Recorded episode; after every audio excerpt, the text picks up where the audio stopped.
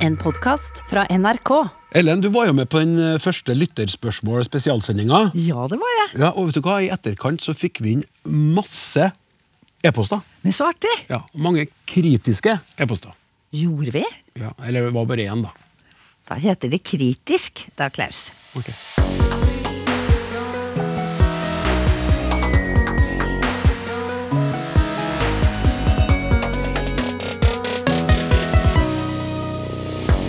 Med den økende dialektbruken vi ser i Norge, har nynorsken utspilt sin rolle? Er det på en måte mulig å få redusert bruken av 'på en måte'? Kan Oxford-komma brukes i norsk? Og hva skiller lengre fra lenger? Det er klart for Lytterspørsmål spesial. Ja, Du hører på Språksnakk, og det er jeg glad for, for i dag vies hele sendinga til spørsmål fra våre nysgjerrige, våkne og språkinteresserte lyttere, sendt inn til snakk.krøllalfa.nrk.no. Dit kan du også sende spørsmål hvis du har et. Et supertent lytterspørsmål spesialpanel sitter klart. Det består av språkforsker Rikke van Ommeren, språkforsker Terje Londal og språkforsker Ellen Andenes. Velkommen skal dere være. Takk skal du ha. Ellen, som jeg sa, du var jo også med på den første lytterspørsmål spesialen. og I etterkant av den så kom det inn en e-post som jeg gjerne vil at du skal få kommentere. Ja vel. Kom igjen. Jeg tror ikke mine egne ører. I spørsmålet fra en dame som heller ville høre språksnakk enn å gå søndagstur, sier eksperten at dette er en dame med godt omdømme. Det skulle ha vært artig å høre hva han mener med det. Takk for et morsomt program. Med vennlig hilsen Anne Horn. Ja, si det, du. Der. Jeg tror kanskje jeg forsnakket meg. Jeg mente nok god dømmekraft. Ja, men vi har jo googla det, og du kan faktisk bruke det sånn, Helen. Man kan bruke det på begge måter, ja. Ja. Sier du det? Vet du hva, det illustrerer et veldig viktig poeng. Ja, Når du syns folk uttrykker seg krøkkete, sjekk ordboka. nettopp. Eller sjekk med eksperter som sitter her, som dere gjør i dag. For nå går vi i gang med de spørsmålene som er kommet inn til denne sendinga. Terje, det her går til deg. Hei! Enkelte fornavn med tillegg kan beskrive en gjenstand eller en handling. Noen fornavn kan oppfattes som å beskrive en persons karaktertrekk og eller miljøbakgrunn. Det kan være en Stille Anton eller Anders, Harryhandel, Kaffe-Lars, Vesle-Per, Lillemor, Hannemor, Doris R, Roger Roy.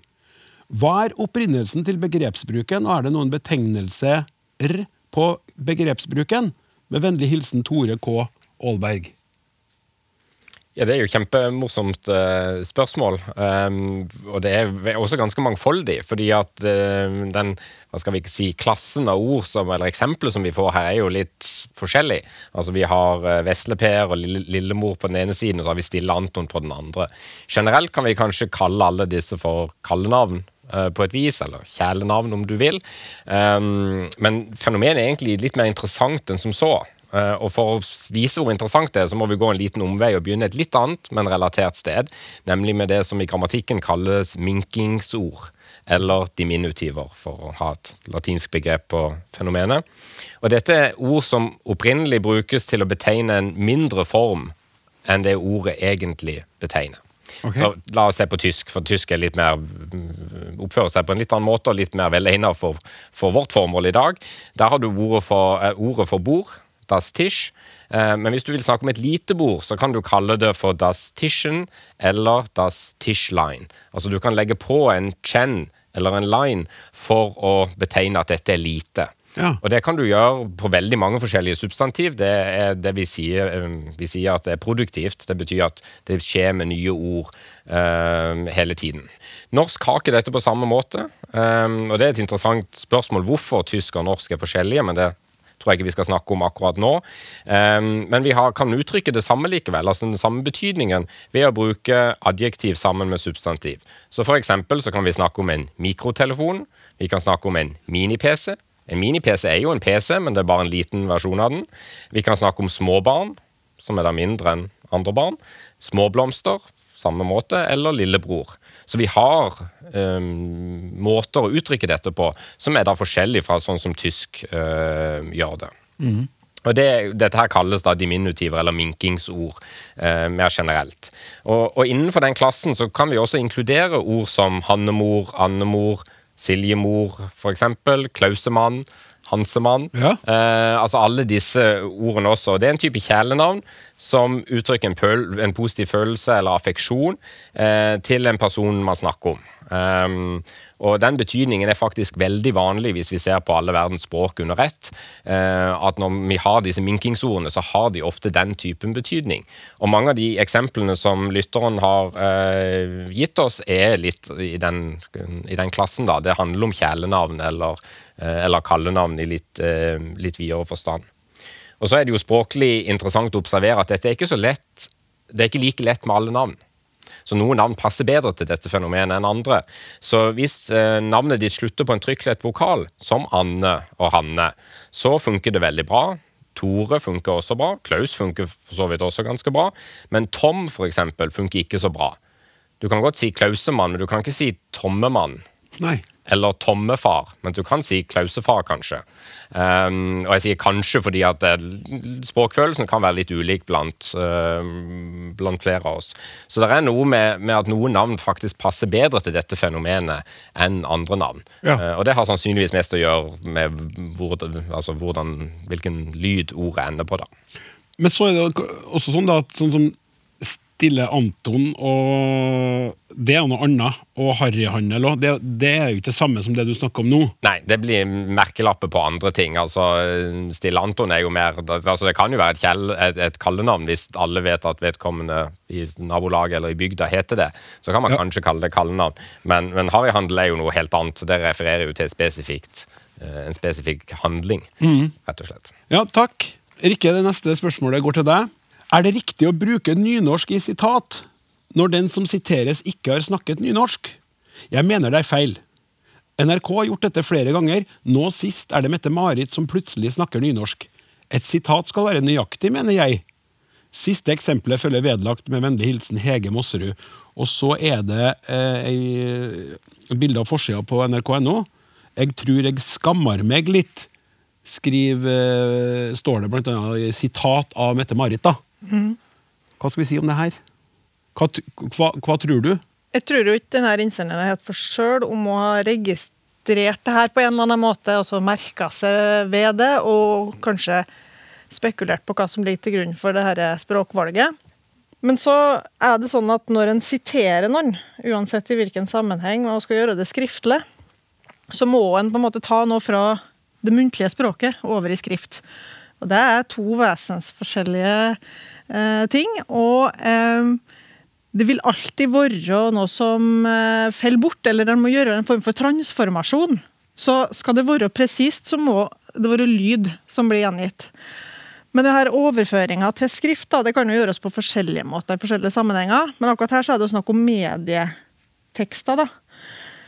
Og det som da er vanlig, er at du velger å skriftfeste det som i utgangspunktet er talespråk, mm. Eh, med en av eh, skriftspråkene våre. Eh, bokmål eller nynorsk.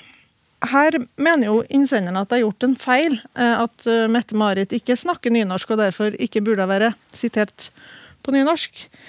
Men Mette-Marit snakker jo verken bokmål eller nynorsk.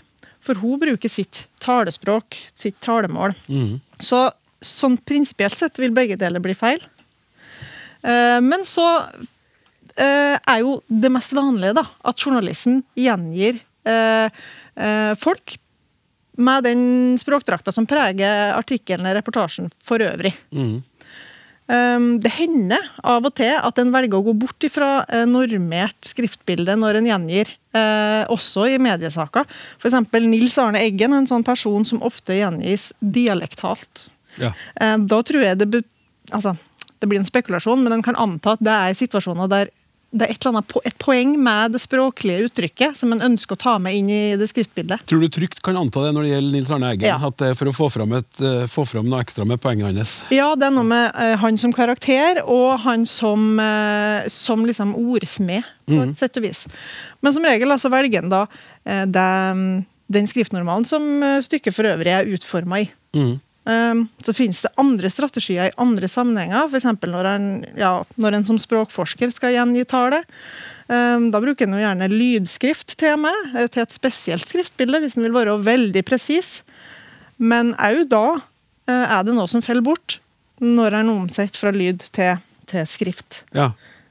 Og så kan man jo snu på det som Hege Masserud reagerer på. for Jeg husker at da jeg var eh, journalist i Adresseavisa, og hvis noen snakka tilnærma nynorsk til meg, så gjenga jeg jo ikke dem på nynorsk. Jeg skrev jo bokmål i Adresseavisa. Så, ikke, så det går jo begge veier. Ja, Skulle jeg gjort det rett da, så burde jeg jo ha skrevet nynorsk, det de sa. ja Hvis jeg det skal følge Hege sin uh, teori her, da. Ja, jeg tror nok mange kan sitte med en følelse av at noen talemål er nærmere nynorsk eller bokmål. Eh, men det er egentlig en ganske vanskelig øvelse å avgjøre akkurat det. Og det er neppe hensiktsmessig for en journalist å stå i de vurderingene hele tida og skulle ta de beslutningene om hva som er nærmest til enhver tid. Um, så da lander en ofte på det som er normen for det avishuset, eksempel, eller det mediehuset. Det fins jo noe som eller En omtaler gjerne husnormer når det er snakk om mediehus. Altså at en har noen eh, regler og retningslinjer for hvordan en eh, velger å skrive eh, i forskjellige sammenhenger. Og Det kan jo være styrende for hvordan en velger å gå fram. Men så, når jeg forbereder meg til å svare på det spørsmålet, så um, kom jeg over uh, sikkert ei pressemelding eller et eller annet som uh, kom ut for noen år siden, der Carl I. Hagen uh, kommenterte hvordan han var gjengitt, eller hvordan han ønska å bli gjengitt. Og han, da, han ville ha seg frabedt å bli sitert på nynorsk. Han ønska å bli gjengitt på bokmål, fordi det var det han opplevde at han snakka. Ja. Og det er ganske interessant, for nå har vi allerede slått fast at uh, ingen snakker bokmål og ingen snakker nynorsk, eller i hvert fall bare helt unntaksvis. I uh, nyhetsopplesning og sånn, så kan han komme over det. Men med Carl I. Hagen så er det nok ikke så naturlig å tenke at han snakker bokmål. Han snakker en østnorsk uh, dialekt mer. Men han vil altså ha seg frabedt eh, å bli sitert på nynorsk da, eh, i den saken. Og det, det syns jeg, som sosiolingvist som er opptatt av språksosiale forhold, er veldig interessant. da. Ja. Men det sier vel kanskje noe om det markerte her også, for jeg opplever nok at det er en liten forskjell. At, at man reagerer mer som Hvis man tror selv at man snakker noe som ligner på bokmål, og blir sitert på nynorsk, så er det på en måte verre i gåseøyne enn hvis man er nynorskbruker eller snakker en dialekt som ligger veldig nært nynorsk, og blir sitert på bokmål. Og det har vel kanskje noe å gjøre med, med de på en måte markerthetsforskjellene, eller statusen til de to skriftspråkene i Norge også, kanskje. Mm. Ellen? Ja, Det tror jeg òg. Og altså, jeg kan ikke huske at jeg noen gang har sett noen klage over å bli sitert på bokmål. Uansett hva slags dialekt de snakker. Og det sier jo sitt. Ja. Rett og slett. Og Ellen, du sa ditt nå, og nå skal du få si litt mer, for vi har en eh, mail til her. En tendens som irriterer en lingvist, er bruken av ting. Vennskap er en fin ting. Vennskap er ikke en ting, et objekt. Bør være vennskap er noe skråstrek noe fint. Med takk for gjevende og opplysende program fra Reidun Åmbø. Ja, takk for det spørsmålet, Reidun Ombø. Eh, nå kan det jo høres ut som du mener at en ting alltid er det samme som en konkret gjenstand, eller et objekt, som hun skriver. Altså sånn hun pakket tingene sine og gikk. Men jeg tror vi må se litt større på det. Og nå skal jeg eh, si litt om dette, og det kan godt hende at innsenderen vet alt sammen fra før, men det er ikke sikkert alle lytterne gjør. For ting har eh, flere betydninger, og det er nettopp derfor jeg liker det spørsmålet. For det gir mulighet til å snakke om variasjon i betydninger og betydningsrikdom og sånn. Så eh, nå tenker jeg jeg skal si noe om tre hovedbetydninger, samt noen faste uttrykk. Eh, Og da kan vi nesten konkludere med at ordet ting er en fin ting, altså. Bare for å unngå nå at noen skal tro at det dreier seg om noen nymotens utvikling og utglidning og sånn, så har jeg konsultert eksempelsamlingen i eh, Det norske akademis ordbok, okay. som ligger på nett. Og eh, der har jeg flere gode litterære eksempler som jeg skal presentere, da. Men de tre hovedbetydningene. Først så er det sak, spørsmål eller anliggende. Og det er i uttrykk som 'hver ting til sin tid'. Det er et par ting jeg gjerne vil ta opp her nå. Å tenke over tingene. Det skrev Bjørnson, for eksempel. Og så har vi nummer to. Da er betydningen gjerning eller handling eller hendelse. Som i å utrette store ting. Det finner vi faktisk i Salomos ordspråk. Eh, Eller som når Ibsen skriver om noen som forlanger umulige ting. Da var det nok ikke gjenstander vedkommende forlangte, men kanskje handlinger. Eh, og Sam Eide han var kjent for at han gjorde tusen ting på én gang. Ja. Ja. Og da kommer vi til betydning tre. Og det er Da nærmer vi oss kanskje vennskapet, da. For det er omstendighet eller forhold. Eh, Kielland skrev faktisk 'For den minste ting kaster kapitalisten en på gaten'. Og Ibsen skrev 'Det er ikke slike ytre ting som det kommer an på'. Og det er en god ting ved ham at han er så ærlig. Så har vi de faste uttrykkene. Og da har vi de jordiske ting, de menneskelige ting, de himmelske ting. Det er det som gjelder døden og livet etter døden, altså. Og det er nok ikke gjenstander, det heller. Vi har uttrykk som tingenes tilstand, eksempel. eh, Som er gode å ha da. Ja, så, og så har vi sånne uttrykk som 'det er tingen', ikke sant. Ja. Mm. Når eh, Helmer i et dukkehjem sier til Nora 'du elsker meg ikke lenger', så svarer Nora 'nei, det er nettopp tingen'. Ja, så altså, ting er eh, Ting er en fin ting. Vi kan gjøre så mye. Det er så mye vi kan kalle for ting. Vi kan gjøre så mange ting med ting. Nettopp. Var som jeg skulle sagt det selv, Klaus. Språksnakk. Det er et ord som tilsynelatende er vanskelig å uttale riktig for en viss del av befolkningen, inkludert noen NRK-ansatte. Ordet er eh, regissør, som man igjen og igjen hører uttalt regissør. Til og med folk i film- og teaterbransjen, inkludert regissører, gjør den feilen, skriver Roar Nordmann Nilsen. Jeg har til og med lagt med en liten tegneseriestripe som omhandler det her. Terje, hva syns vi? Hva tenker vi? For det første så må vi jo gi lytteren helt rett i at det er en veldig vanlig um, uttale som man har observert. Altså dette, det er ikke noe særegent fenomen. Um, og, men han har jo rett også, da, i at eh, det riktige er regissør. Man må virkelig konsentrere seg for å være sikker på at dette blir rett. Eh, og det har en ganske god forklaring. Altså Det kommer opprinnelig fra det franske regi. Eh, og så er det sånn på norsk at G på fransk blir sj. Eh, på norsk. Vi sier jo regi, og ikke resi. Sånn at hvis man da overfører det prinsippet til regissør, så skal, skal man på en måte beholde den uttalen av regi inn i regissør. Eh, men så er det jo sånn at det oppleves nok for mange nordmenn som litt vanskelig, uh, og derfor så blir det fort det, den enklere uttalen uh, som brukes. Um, Regissør. ja. Ja. Men dette er faktisk et eksempel der Språkrådet har en anbefaling. For de anbefaler at man skal si det sånn som lytteren ønsker at det skal sies. At man sier det i tråd med skriftbildet og i tråd med, med prinsippene for uttale av ord som opprinnelig kommer fra fransk. Um, men det er en anbefaling, da. Så, Ja. Som man vil nok fremdeles finne i fremover veldig mange som, som selv om man snakker fort, så kan uh, lydene flyte litt over i hverandre. Så Roar, du har, eh, du har rett, men du vil nok uh, også i fremtida høre det bli uttalt feil. Ja, og det er veldig vanskelig å gjøre noe med det. Ja.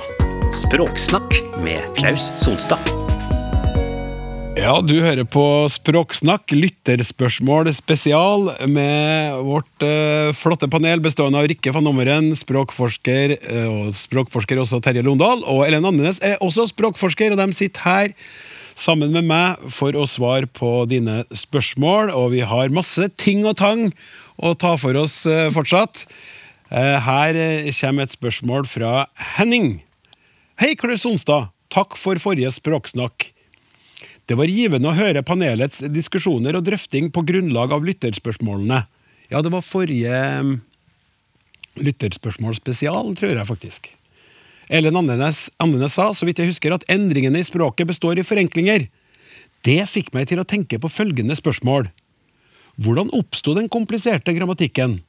Det satt vel ikke ti vise menn og kvinner i en svunnen tid rundt leirbålet og konstruerte kasus og alskens bøyningsformer? Utviklet norrønt og norsk seg langsomt med gradvis mer intrikat grammatikk, for, så, for å så nå et optimum som vi nå raser nedover fra. Vennlig hilsen Henning. Ah, det, det er så herlig å lese sånne fine e-poster fra lytterne. Terje, vær så god. Du kan, du kan starte her. Ja, Dette er jo et fantastisk spørsmål. Um, og det er fantastisk på mange måter fordi at det går til et av de mest grunnleggende spørsmålene uh, vi kan stille oss om oss som mennesker. For hvordan fikk vi denne evnen til å bruke språk sånn som vi gjør nå? Um, det er jo ingen andre dyr som kan gjøre det samme. Vi kan snakke om hva vi gjorde for to år siden, vi kan snakke om hva vi gjør nå, og vi kan snakke om hva vi har lyst til å gjøre neste sommer, eller når koronaen er ferdig. Så vi har denne muligheten til å, å snakke og bruke språket kreativt om fenomenet som ikke er akkurat her og nå, og som ikke er knytta til en bestemt type input. Det er ikke sånn at vi må få en godbit for å produsere språk. De fleste av oss prater på inn- og utpust og trenger egentlig ikke noe, noe insentiv for å gjøre det. Vi bare setter i gang når vi har, har noen tanker. Og så skjer det ofte veldig automatisk. Vi har ikke en klar plan for det. Eh, vi kan egentlig, Det er vanskelig å tenke selv hvordan man produserer språk. Mm. Og hvis man begynner å tenke over hva man skal si, så kan det fort begynne å stokke seg. Men av en eller annen grunn så jobber hjernen så fort at det bare kommer automatisk. Sånn at vi har denne her helt fantastiske evnen. Og det store spørsmålet, kanskje nobelprisspørsmålet i eh, språkforskningen, er jo da hvordan fikk vi dette? Det har jo folk de siste 20 årene begynt å interessere seg stadig mer for internasjonalt. Det har blitt et stort forskningsområde. Språk og biologi og språk og gener. Og, og hva kan vi egentlig si om, om språkets opprinnelse? Mm. Og Spørsmålet til Henning handler jo egentlig om det. For for å kunne si noe om de andre tingene han også spør om, så må vi egentlig si noe om ja, hvor kom dette, dette fra. Um, og her er jo spekulasjonene mange og svarene få. Um, det kan vi begynne med å slå fast, tror jeg. Um, og man har de siste 20 årene også diskutert ganske intenst om når kom det egentlig? Altså hvor mange år siden ja. er det at uh, språket oppsto? Og I begynnelsen var man ganske konservativ, man snakket om 20 000 år, så ble det 40 000 år. Og nå tror jeg nok at konsensusen mer er ja, Vi har iallfall hatt menneskelig språk i 100 000 år. 100 000 år? Sannsynligvis. Men, men jeg sier sannsynligvis, og, og, du kan veldig lett uh, google deg frem til en forskningsartikkel som vil si noe annet. Sånn at hvis lytterne uh, går dette i sømmene, så vil de både oppdage den rike litteraturen om dette, men også oppdage at det er et ganske kontroversielt spørsmål hvor gammelt uh, språket er. For det, det, man jo må tenke på, er jo hvordan skal man oppdage det? Hvordan skal man finne svaret på spørsmålet? Skal vi se på fossiler? Det kan man jo gjøre. Det har biologene gjort, arkeologene har gjort. De har sett på fossiler og sett hva kan fossilene si om språk. Men det, de kan egentlig ikke si så veldig mye. fordi at det eneste man kan se på fossilene, er jo om de hadde et slags taleorgan. Ja. Så var de i stand til å produsere språklige lyder. Um, og Det er jo et interessant spørsmål om, om neandertalerne f.eks. var i stand til å gjøre det. Og det man, ser man at de har en anatomi som tilsier at de skulle kunne gjøre det. Bare sånn, For å skyte inn et spørsmål til dere som språkforsker. Vil det være sånn, da, for å, for å bare henge med nå, at når du snakker om neandertalerne hvis, hvis, jeg hadde vært neandertaler og hadde sagt til min neandertalske venn og så får jeg klubba. Det er også språk, da. ikke sant? Det, vi er der. Ja, det er ikke sånn 'gi meg klubba'! det er språk er lyder som man uttrykker som, som, noen andre forstår. Og kropp. Og kropp også, og selvfølgelig. Kropp. kropp også. Ja. Og, og, de har en betydning ikke sant? som gjør at man kan kommunisere om noe, eller bruke det språket til, til noe. Ja. Men, men, poenget er at selv om vi, vi, ser at de kan produsere lyder, så vet vi at det er mange andre dyr som kan det. Altså Man kan få uh, apekatter til å produsere en del lyder. Papegøyer kan produsere lyder. altså Det er neppe der den store um, gåten kan løses, uh, altså om man kan produsere disse lydene eller ikke. Fordi språket er så mye mer enn bare lydene. De, vi kan bruke tegnspråk, f.eks. Det kan godt være at dyrene lager tegnspråk før de laget et talt språk. Mm. Uh, det jo, blir jo også en spekulasjon. Og problemet vårt er jo at fossilene snakker ikke. Sånn at vi får ikke funnet ut om de hadde noe som ligner på en kompleks grammatikk, rett og slett. Altså noe som var mer enn bare lyder eh, som skulle ha en veldig enkel betydning. Um, sånn at uh, det gjør det ganske vanskelig å svare på. Så da har man sett på gener. Uh, og det har vært spekulasjon er det noen gener som er spesifikke for språk. Og den, det korte svaret på det eh, er jo at alle genene som man har trodd har vært spesifikke for språk, også spiller viktige roller ellers i kroppen. Sånn at det er ikke noe språkgen som sådan. Altså Man kan ikke finne ett gen som, som bare har med språk å gjøre. da. Søren òg. Ja, det, veldig, det hadde vært veldig fint, for det hadde hjulpet oss eh, videre i, i jakten på dette. da. Men det har vi ikke funnet. Eh, og Så har man da begynt å bli litt mer kreativ, kan man si, og, og foreslått f.eks. at det som skjedde, var at det oppsto en stor mutasjon. Altså at det, det betyr bare at det skjedde noe i hjernen hos et visst antall mennesker som gjorde at de plutselig fikk språk. Eh, men, eh, og den hypotesen har blitt, frem, eh, blitt eh, foreslått av ganske prominente internasjonale språkforskere. Men det er jo egentlig bare å si at vi ikke har noen løsning på problemet. fordi at det er ikke noe evidens for den type mutasjon nødvendigvis. Og, og vi vet ikke hva den mutasjonen besto i, og hvordan det eventuelt spredte seg og ble et kollektivt fenomen. Fordi at det store spørsmålet vil uansett være hvordan kunne det oppstå i ett individ, og så ble det noe som mange flere individer har. Ja. Um, Men jeg tenker sånn, altså når du sier det her altså, øh, For dere språkforskere, når, når da mennesket fikk språk, da, hadde et slags språk og en felles forståelse i den gjengen, så forsto man hverandre, og sitter rundt leirbålet, da er det kanskje ikke så det, det er kanskje lett for dere å si at ja, derfra utvikler jo språket seg sånn som språk må utvikle seg, så kasus og sånn kommer jo på veien, for da begynner, da begynner man jo.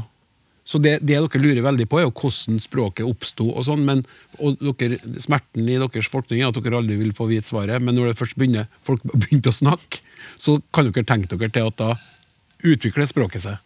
Da kan vi se på, se på om det utvikler seg. Og Her har jo eh, lytteren en interessant hypotese, som er på mange, mange måter at språkutvikling er som en, en kurve. Der det blir mer og mer, mer komplekst, og så når man et sånt uh, tippepunkt der det går ned og hjem. Som, som vi nå raser nedover fra. Ja, eh, og, og at norrønt på mange måter da utgjorde i, i norsk sammenheng da det, det mest eh, komplekse. Men det er også sånn at altså for å kunne si noe om Det kan godt være at de første språkene som utviklet seg, var veldig komplekse. Forskningen internasjonalt argumenterer nok mer for at det var ganske rudimentære språk, men vi vet egentlig ikke. Sånn at det er vanskelig å si om det faktisk er sånn at vi går fra veldig liten kompleksitet til stor kompleksitet, og så ned igjen. Um, og så kan man jo si at ja, moderne norsk er annerledes enn norrønt og islandsk, um, for eksempel. Men det har også blitt altså, man kan godt forenkle språket i ett domene, og så blir det mer komplekst i andre domener. Så det er ikke gitt at alt har blitt at det går nedenom og hjem, eh, eller at vi raser nedover. Fordi at vi raser nedover på noen punkter, kan man si, og så øker man eh, graden av kompleksiteter på, på andre områder. Så og det kan jo, Vi kan legge til til slutt også kanskje at, at um, vi vet ikke om noen språk altså Språk kan godt være forskjellige, i, om de har fem kasus eller 20 kasus, men de kommunikativt, når det gjelder å kommunisere, så gjør de jo det samme. Altså de kan, du kan fint få sagt det samme om du har 20 kasus eller ingen kasus. Sånn at uh, ja, det er et interessant spørsmål, men fra et kommunikativt ståsted så kan man jo peke på at det er ikke så det er ikke så viktig, da. Eller så interessant. Eller. Hva er det vi mener med kompleksitet, da? Er det nødvendigvis kasus- og bøyningsendelser, f.eks.? Og nå tenker jeg på forholdet mellom norsk og vietnamesisk. I vietnamesisk så har alle ord bare én stavelse. Bare én stavelse. Det er veldig lite. Dermed ingen bøyninger, ingen sånne ting. Men de har seks forskjellige ordtoner. Ja. Så, og det er, en, det er komplekst, men det er en annen måte å være kompleks på, da. Ja. Det store spørsmålet er hvordan måler man da i kompleksitet? Ja. For vi snakker jo om det, og det gjør jo lytteren også i dette spørsmålet, litt sånn intuitivt. At vi på en måte har en slags forståelse av hva det er. Men hvis man skal virkelig snakke om hele språk som mindre eller mer komplekse, hvis det gir mening, så må man jo nettopp også inn på de tingene Ellen eh, trekker frem, og se på lyder, og se på bruken av språket. Altså hva slags type setninger bruker man? Hva er, er på en måte mønstrene i samtalen? Er de mer eller mindre komplekse, hvis det igjen gir mening. Sånn at det blir et ganske stort eh, tema hvis man skal forsøke å, å, å gjøre rede på det. Kanskje et andre nobelprisspørsmål. Å, det er vakkert. Spørs om eh, neste tema eh, er potensielt et nobelpristema, men jeg syns det er veldig interessant, jeg, da. Eh, Det handler om Det mange lyttere som er opptatt av det her. På en måte skulle jeg til å si Hei! Artig med nytt språkprogram. Jeg er en av dem som får fnatt av dårlig språk, og spesielt når noen har et ord eller uttrykk som gjentas i det uendelige, og ikke i relevante sammenhenger. Akkurat nå, onsdag 3. mars, har jeg hørt på Drivkraft med en yogainstruktør. På en måte brukes opptil flere ganger i én og samme setning, og det er så forstyrrende. Hadde jeg orka å høre programmet en gang til, skulle jeg tatt en opptelling og gitt deg antallet, men jeg orker ikke. Kan dette være noe å fokusere på? Vennlig hilsen Grete. Hei, Språksnakk! Takk for et ledig og uhøytidelig program. Det gjør at jeg føler meg trygg til å skrive om noe som jeg lurer på, som jeg ikke liker. Jeg lurer på hvorfor det virker som det nærmest har blitt smittsomt at nesten alle personer som ytrer seg muntlig i radio og TV, putter inn 'på en måte' svært ofte, og samme hva de snakker om. Det virker som om de er redde for å hevde det de mener eller kan, siden de sier at det er 'på en måte'. Derfor har jeg et forslag til NRK. Heng på døra til alle studioene. Si hva du mener, kan eller vil. Ikke at det bare er 'på en måte'. Med vennlig hilsen Torlaug Valvik. Og så en Georg som skriver Jeg skulle på en måte ha likt å vite hvordan dere på en måte ville forklare det på en måte sære faktum at uttrykket på en måte på en måte er akseptert på en måte overalt. Rikke, det er på en måte du som skal ta ansvaret for å eh, åpne her. Egentlig så kan det være litt fint å ta utgangspunkt i det som vi akkurat prata om, om, om språkets kompleksitet. eh, Og hva som kan virke som et tegn på kompleksitet, og hva som kan virke som et tegn på bare generell eh, dårlig språkhygiene. En kan jo si at I språket vårt så har vi noen element som eh, spiller en åpenbart viktig funksjon for påstandsinnholdet i det vi prøver å uttrykke. Og så har vi noen språklige element som um, det er vanskeligere i hvert fall å forstå sånn umiddelbart hva de bidrar med. Uh, og som ikke har en like stor betydning for nettopp påstandsinnholdet i det å si. Og på en måte den, Det uttrykket kan, kan sies, og i hvert fall i de sammenhengene som det brukes i de eksemplene, og som de her innsenderne reagerer på, da brukes det på en, på en måte som ikke nødvendigvis bidrar til å endre på påstandsinnholdet på en vesentlig måte, på en radikal måte, men det betyr ikke at det ikke betyr noe sånn i det sosiale spennet. Tenkte jeg ikke det at du som språkforsker kom til å si det. Ja, Altså Her ønsker da innsenderne at det skal ryddes opp, men du åpner for at det er bruk for det likevel? Ja, eh, det gjør jeg absolutt. Jeg tar på en måte litt i forsvar her. Eh, Det som kan sies om det sånn eh, litt sånn teknisk, da, at i eh, de sammenhenger der en bruker på en måte som et uttrykk, og eh, det ikke eh, bidrar til påstandsinnholdet, eller bidrar til å forandre om ytringa er sann eller usann, da kalles det gjerne en pragmatisk markør. Eh, Det er også omtalt som eh, diskursmarkør i enkelte sammenhenger. Og I de her sammenhengene da, så, så, så fungerer det eh, annet som at det, den som sier det, tar litt sånn avstand fra det som blir sagt, eller prøver å eh, markere at det som sies, ikke skal tas så bokstavelig. En, en demper seg litt. Grann. Sånn at en vil jo ikke forandre på setninga om man tar det inn eller ut. Og de her innsenderne reagerer jo på at det, det bare virker som unødig støy, nesten. Så kan en jo si at i samtale så kan det jo ofte være ganske vesentlig å markere om du, hvor bastant du er, eller ikke framstå skråsikker, og ikke framstå um, som om du tar veldig sterkt uh, i, da. Um, og det betyr at eh, det har ikke noe betydning for påstandsinnholdet nødvendigvis, men det, det bidrar til å si noe om talerens holdning til det som uttrykkes. Er det litt som liksom? Absolutt. Eh, litt som, eh, som liksom. Um, en sier gjerne at eh, uttrykk som på en måte fungerer som eh, en omtrentlighetsmarkør. Det vil si at du signaliserer at det du sier eh, er litt mer omtrentlig da, enn hvis du sa det uten. Ja, altså, Rikke, du sa jo noe som jeg syns er veldig viktig. Eh, For du sa at det med påstandsinnholdet, det er liksom ikke det eneste vi driver med når vi snakker sammen. Slett ikke. Og det ene i tillegg, det er jo altså det forholdet som den som snakker har til det den snakker om, eller det den sier. Eh, Men det andre, det er jo relasjonene til de andre som også er der. Og jeg tror vi skal skille mellom selve uttrykket på en måte, og de funksjonene det kan ha, og overforbruket av det. For det kan man alltid, ikke sant. Når noe blir brukt veldig mye, så blir man litt sliten i øret. Men at selve uttrykket også har mye å gjøre med eh, relasjonen mellom meg og dem jeg snakker med. Ja. Og har noen viktige funksjoner der, det syns jeg er eh, helt opplagt. Og så er det litt Altså, vi har jo forskjellige, jeg holdt på å si, synonymer til det, ikke sant. Og det går litt eh, i mote, og det går litt etter alder. Eh, hadde jeg nær sagt, det er det ikke så mange som sier lenger. Men det sa voksne folk da jeg var barn. Og vi har hatt 'holdt jeg på å si', eller, og vi har 'for å si det sånn'. Og jeg tenker at for å si det sånn, eller på en måte, det er også noe som eh, Det er ikke sånn at jeg sitter og planlegger å si det, og derfor bruker jeg det sjelden i skrift, men det er også på en måte en appell til dem jeg snakker med.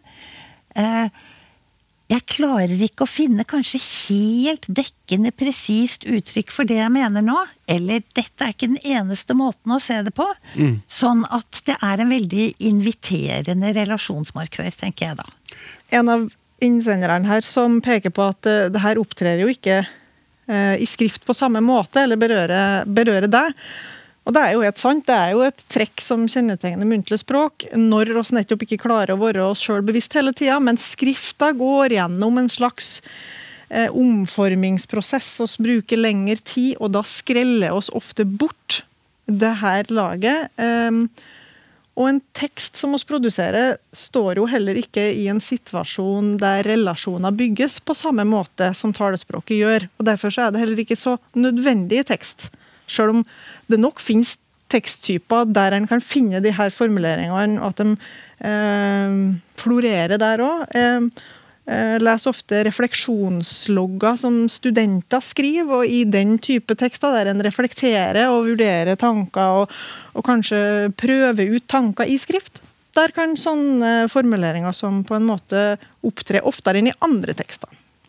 Det må jo også være veldig nyttig der. Nå har jeg bare lyst til å tilføye at en av kollegene våre, Kristine Hasund, hun tok doktorgrad på Lissom. Ja. Eh, For en del år siden. 2003, tror jeg det var. Og det er jo allerede nå veldig lenge siden, men da sa hun at Lissom, det er liksom ordet for jenter. Og på en måte, det er ordet for akademikere. ja.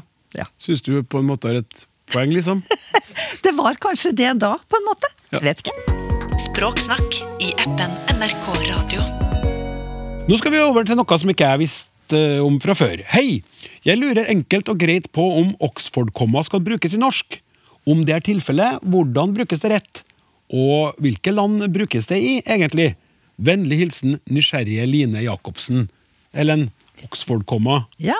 hva er det for noe? Oxford-komma, som også blir kalt for seriekomma eller Harvard-komma, det er komma som står rett etter nest siste ledd i en serie, altså en oppramsing av tre eller flere ting. Og det var kanskje litt vanskelig å henge med der, Ja. men tenk på for eksempel epler, pærer og druer.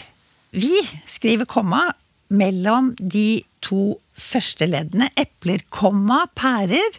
Og så er det spørsmål, da. Skal vi ha et komma til? Eller skal vi ikke? I Norge, når vi setter inn ordet 'og' mellom de to siste leddene, så bruker vi ikke komma der. Nei. Men der er det overflødig, og det er liksom feil. Brudd på kommaregel. Men andre steder, andre skikker, da, som nysgjerrige Line har merket seg. Eh, hvilket land brukes det i, eller hvilke, spør hun om.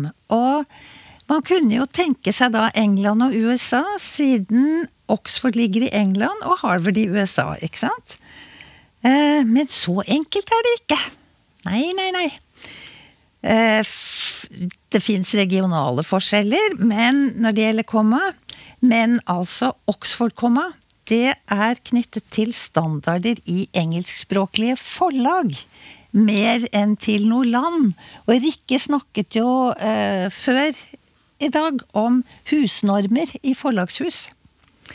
Eh, og det er altså på Oxford universitetsforlag, alle tidsskrift som blir utgitt der, de skal følge en viss sånn standard, da, eller husnormer, og deriblant så skal de ha komma i denne typen oppramsinger. Eh, Men det er ikke så enkelt som at dette da gjøres i engelsk. Fordi engelske aviser de bruker en annen standard som heter AP. Og den krever ikke komma der. Nei. Så de gjør det sånn som vi gjør det her i landet. Og dette lyder jo en anelse skrullete, på en måte. Altså, Kan ikke alle bare bli enige, og så gjør vi det på den måten overalt? Enig. Men vi kan jo ikke det! Vi kan jo ikke det! Hvorfor ikke? Folk har så sterke følelser knytta til språk, til og med til disse små kommaene. Eh, og det kan faktisk bli utrolig høy temperatur i diskusjoner om hvor kommaet skal stå. Eh, De som er tilhengere av Oxford-komma, de mener at det er helt nødvendig for å unngå tvetydighet. Og da skal jeg gi dere et eksempel. Jeg var på byen med svinepelsene Rikke og Terje. Hva betyr det? betyr det Altså, er dette en serie? Jeg var på byen med Svinepelsene og Rikke og Terje. Eller er det sånn at jeg var på byen med Rikke og Terje, de som var svinepelser? Eller er svinepelser? Det er det jo ikke. Så vidt jeg vet, i hvert fall. Eh, Men Oxford-komma-elskerne de sier at hvis jeg ikke setter komma etter hvert ledd, så kan det bli forstått sånn. Uh, ja. Hvem var du på byen med, egentlig? Det forblir min hemmelighet. Men det fins mange moteksempler også. Ja. Ja, jeg skal ikke ta dem nå. Eh, Men altså, det er en engelsk journalist som har skrevet at vi har folk som elsker Oxford-komma, og så har vi folk som ikke elsker Oxford-komma. Og hvis du er et sted hvor det blir servert alkohol, så må du passe deg på å ikke stille deg mellom disse. ja. Ja. Men ikke i Norge, altså. Ikke Oxford-komma i Norge, dere. Det blir feil. Tusen takk. Hei, snakkere! Jeg savner en brukbar huskeregel for bruk av lenger, lengre. Jeg vet at det ene er noe adverbmessig, men det blir for teoretisk for meg. Er nøkkelen tid eller størrelse? Hilsen Sven Haagensen Høy. Ja, skal ikke eh, gå lenger enn til deg, Terje, for å prøve å få et svar på det her. Ja, og jeg tenker det er ganske lett å oppfylle ønsket om å gi en, en regel her, så vi kan ja, forsøke å gi en regel som stort sett gjør at du får riktig resultat. Og regelen er at du bruker lengre hvis det kommer et substantiv etterpå. Og hvis du gjør det, så vil du stort sett treffe riktig, og så bruker du lenger i alle andre tilfeller. Um, og for å si litt mer om hvorfor det kan være en fornuftig uh, regel, så er det sånn at lengre uh, er en bøyingsform av lang, som blir brukt sammen med substantiv. Så vi kan si i lengre tid, i lengre eh, enn lang tid. Altså det er noe som modifiserer, sier noe om substantivet. Mens lenger er en form av langt som blir brukt sammen med verb. Og det er det lytteren mener med når han sier at det er noe adverbmessig, for det sier noe om verbet. Så hvis vi sier å gå lenger enn langt, så skal vi da skrive lenger ikke Vi skal ikke skrive å gå lengre enn langt.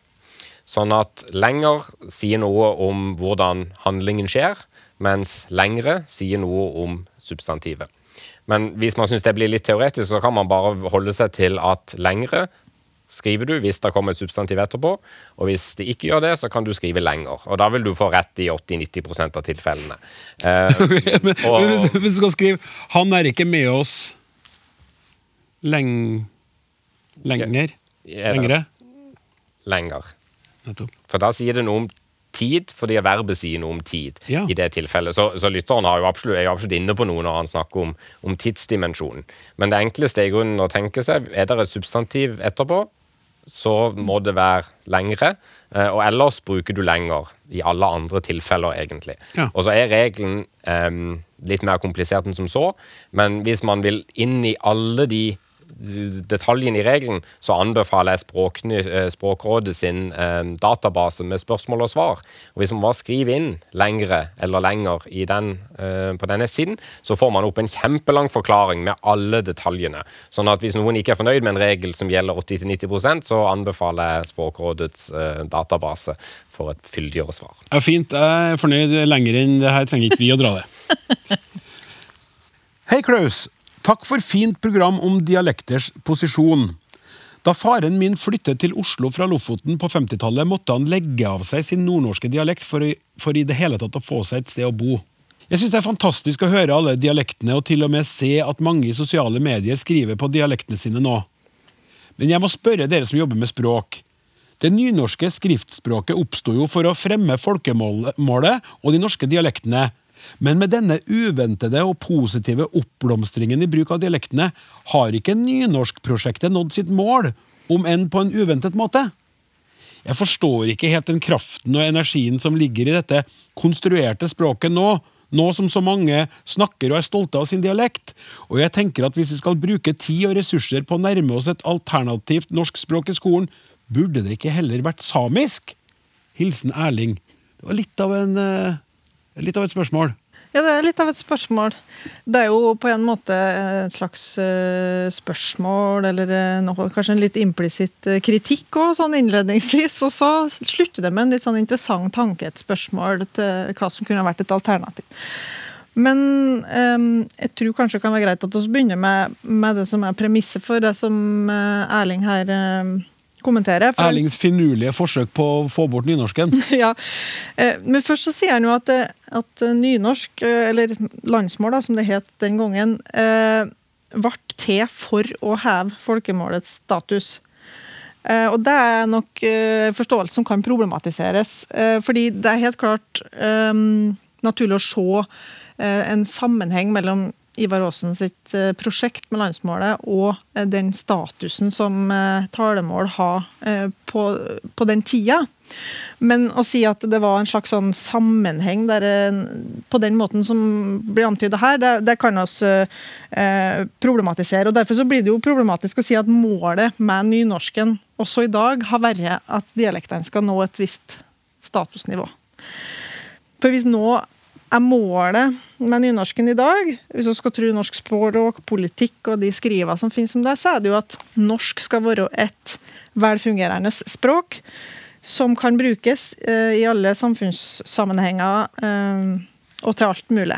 Og det gjelder jo da begge de skriftnormalene som oss har, at de skal fungere eh, til alt bruk. Og da er jo egentlig målskiva hele tida i bevegelse, for det er jo noe som må jobbe med hele tida. Eh, så da kan vi ikke oss egentlig si at målet med nynorsken eh, kan nås heller. Men så stiller jo Erling et spørsmål Hvis en skal bruke tid på et språk i skolen, skal skal ikke bruke tid på samisk? Det er jo et interessant eh, forslag. Eh, nå vil jeg jo si at det er jo mange gode grunner til å jobbe med mange språk i skolen, deriblant skriftspråkene våre. Og de samiske språkene, for det er jo flere av dem òg. Og de finnes jo både som talespråk og skriftspråk. Eh, Så det er jo ikke et enten-eller her. Det er i hvert fall mitt perspektiv på, på det forslaget. da. En kan godt eh, Overraskende. ja, en, eh, det er faglige grunner til å jobbe med alle de her tingene. Og faktisk, i det læreplanverket som er gjeldende for skolen, og gjøres gjeldende for skolen nå, så er det mange invitasjoner til å jobbe både med samisk og med skriftspråksmangfoldet eh, på ulike måter og for ulike formål. Eh, annet i norskfaget. Men selv om han hadde løfta fram samisk i en eller annen variant, så ville jo ikke Erling blitt kvitt nynorsken med det første. Det er det du egentlig sier. Ja, det, det, det, det vil for meg være kunstig om en skulle tenke at en bytta ut det ene med det andre her, fordi det er snakk om litt ulike ting. Og en underslår jo også at nynorsk er jo et eh, språk eh, som også er omgitt av en, en skriftkultur, og det er jo språkbrukere i det landet her som har det som sitt eh, språk, eh, og som det betyr mye for. Mm. Jo, eh, og så tenker jeg jo at det er viktig å huske på at samisk er jo ikke et alternativt norsk språk heller. Samisk er jo et helt annet språk, rett og slett. Eh, og det tenker jeg er litt viktig. Eh, det vil enhver som prøver å lytte til samisk, hvis man ser på samiske nyheter på NRK f.eks., eller man prøver å lese samisk, så er det eh, for de fleste av oss ganske ugjenkjennelig. Fordi at det tilhører en helt annen språkfamilie. Vi deler jo ofte språken inn i familier, og, og samisk hører i mye større grad til finsk enn det hører til, til norsk, f.eks. Så det er noe, det er jo ikke et alternativ i den forstand heller. Um, men fordi at det har en viktig forhistorie og en viktig rolle i det norske samfunnet, så er det jo viktig at elever over alle oss andre også lærer mer om det, og det vil de jo gjøre i de nye, nye læreplanene også. Så på mange måter så blir jo lytteren sitt mål realisert av de nye læreplanene også, der samisk spiller en viktigere rolle enn det gjorde tidligere. Ellen? Så nynorsk er jo også faktisk eh, noe som har med grunnleggende lese- og skriveopplæring å gjøre. Og jeg ser ikke helt at vi kan erstatte grunnleggende lese- og skriveopplæring på nynorsk med skriveopplæring på samisk. Det går liksom ikke. Nei. Ja, for det er jo noe med at, at disse språkene er fundamentalt forskjellige. Og så står det jo også, eller blir sagt i, i spørsmålet her, at, at eh, det er et konstruert språk. Og det er jo sant nok. altså Ivar Aasen gikk rundt og samlet inn uh, ulike former og lagde en, et slags, en slags fellesnevner. Men det er jo viktig å påpeke at bokmål også er et minst like konstruert språk. Uh, altså Bokmål er et, en avledning av dansk. Det er ikke dansk, men det er en sterkt endret form av dansk, som Knut Knutsen spilte en viktig rolle i å gjøre. Og gjennom det arbeidet som da ble gjort med å bygge på den dannede dagligtale i, Kristiania på den tiden, så fikk man jo i høyeste grad et konstruert språk, eh, og kanskje mer konstruert. Fordi at der Aasen hadde et klart talemålsgrunnlag, så ble mye av, eh, av det som i dag er bokmålet, preget av kompromiss mellom en dagligtale og en dansk eh, skriftspråkstradisjon. Sånn at, eh, at hvis det er, at det er, noe som er konstruert som er problemet, så er det flere skriftspråk som kanskje bør byttes ut. Vi har tid til et spørsmål til. Hei, og takk for interessante temaer i programmet. Jeg hører svært ofte i radio og TV at følgende blir sagt etter at et tema er diskutert, til dømes i Dagsnytt 18. Da er vi blitt litt klokere. Dette er etter mitt syn feil bruk av ordet klokere. Det burde heller vært sagt at da har vi fått litt mer kunnskap. Til og med i omtalen av programmet Språksnakk står det at Klaus Sonstad skal gjøre deg litt klokere på språk i 2021. Det er jo en misforståelse, det er jo dere som skal gjøre uh, litt klokere på språk. Men uansett, det er etter mitt syn langt fra sikkert at en blir klokere om en får litt mer kunnskap. Fint om dette blir tatt opp til diskusjon i programmet. Helsing Magne Måge, Trondheim. Ellen, jeg kikker på deg. Ja, dette var et veldig fint spørsmål å få, og det viste seg faktisk å være finere enn jeg først ante. Jaha. For da jeg først så det, så tenkte jeg yes, dette er en fornuftig fyr. Fordi han tenker som jeg. det er veldig lett å tenke sånn. Eh, også i mitt hode er det stor forskjell på klokskap og kunnskap. Men eh, så må jeg jo sjekke, da. Ikke sant? Og så så jeg at i bokmålsordboka så står det betydning én forstandig eller klartenkt. Men betydning to lærd eller kunnskapsrik. Og da måtte jeg tenke meg om, og så måtte jeg undersøke enda litt mer. Og det har jeg gjort. Og vi har noen uttrykk om å være klok på noe. Det ble jeg ikke noe klokere av. Kloke koner, er det kunnskap de har, eller hva er det for noen ting? Og så fant jeg ut da at Magne Måge og jeg og noen andre, vi kan bare si at altså, vi har et aristotelisk syn på klokskap og kunnskap. Aristoteles, filosofen, han mente at klokskap det er innsikt i hvordan noe bør være eller gjøres. Den er handlingsrettet. Formålet med klokskap er å handle på riktig måte. For en selv eller for fellesskapet. Ehm, og først og fremst så er det erfaring man utvikler klokskap gjennom. Som altså gir deg evnen til å se hva som er rett handling i en bestemt situasjon. Og ifølge Aristoteles så kan et ungt menneske være et matematisk geni eller et vandrende leksikon, men kan ikke være klokt. For det tar så lang tid. Og mens jeg grov i dette her, da, så eh, kom jeg på at det spørsmålet om kunnskap og klokskap, det er gammelt. Og så fant jeg et veldig morsomt sammenfall mellom Håvamål og apostlenes gjerninger. Okay. Vil dere høre det? Ja, veldig gjerne. Ja. I Håvamål så står det at det beste er å være klok, men ikke for klok. Ja. For sjeldan er hugnad i hjarta å finne, jo honom som ovklok er, står det der. Og da tenker jeg det må bety har for mye kunnskap. Ikke at man er for vis og innsiktsfull, liksom. For mye kunnskap bringer ikke glede.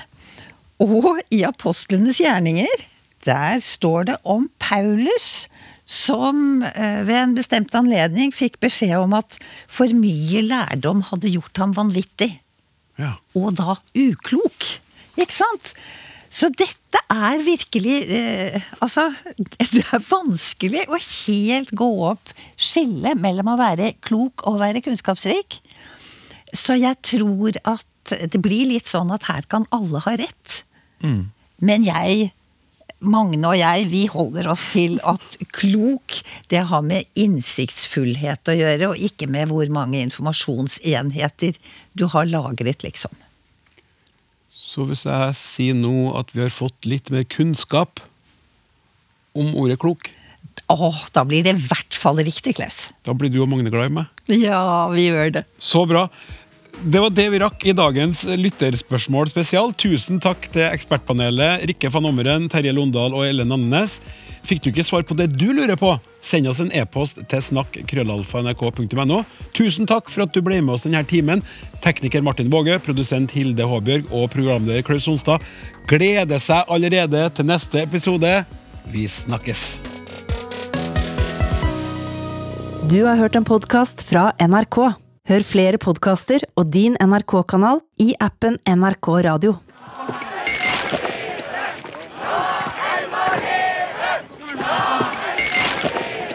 Hei, jeg heter Randi Lillealteren. Denne lyden minner meg om barndommen min i Finnmark. I Alta samla hundrevis av mennesker seg i en teltleir på en plass som het Stilla. De ville stoppe neddemminga av Altaelva. Og enkelte var villige til å risikere livet. Jeg skal sultestreike om så helt til døden. Altså. Jeg har laga en podkast om Alta-aksjonen. Dere får to minutter på dere. Om den største politiaksjonen i fredstid. Og om mennesker som endra historien. Det er ikke lov til å sette opp telt. Nei, det er vi fullstendig klar over, men det er ikke lov å ta landet fra oss heller. Nei, men altså Hør hele historien, Alta-aksjonen, snart i NRK Radio.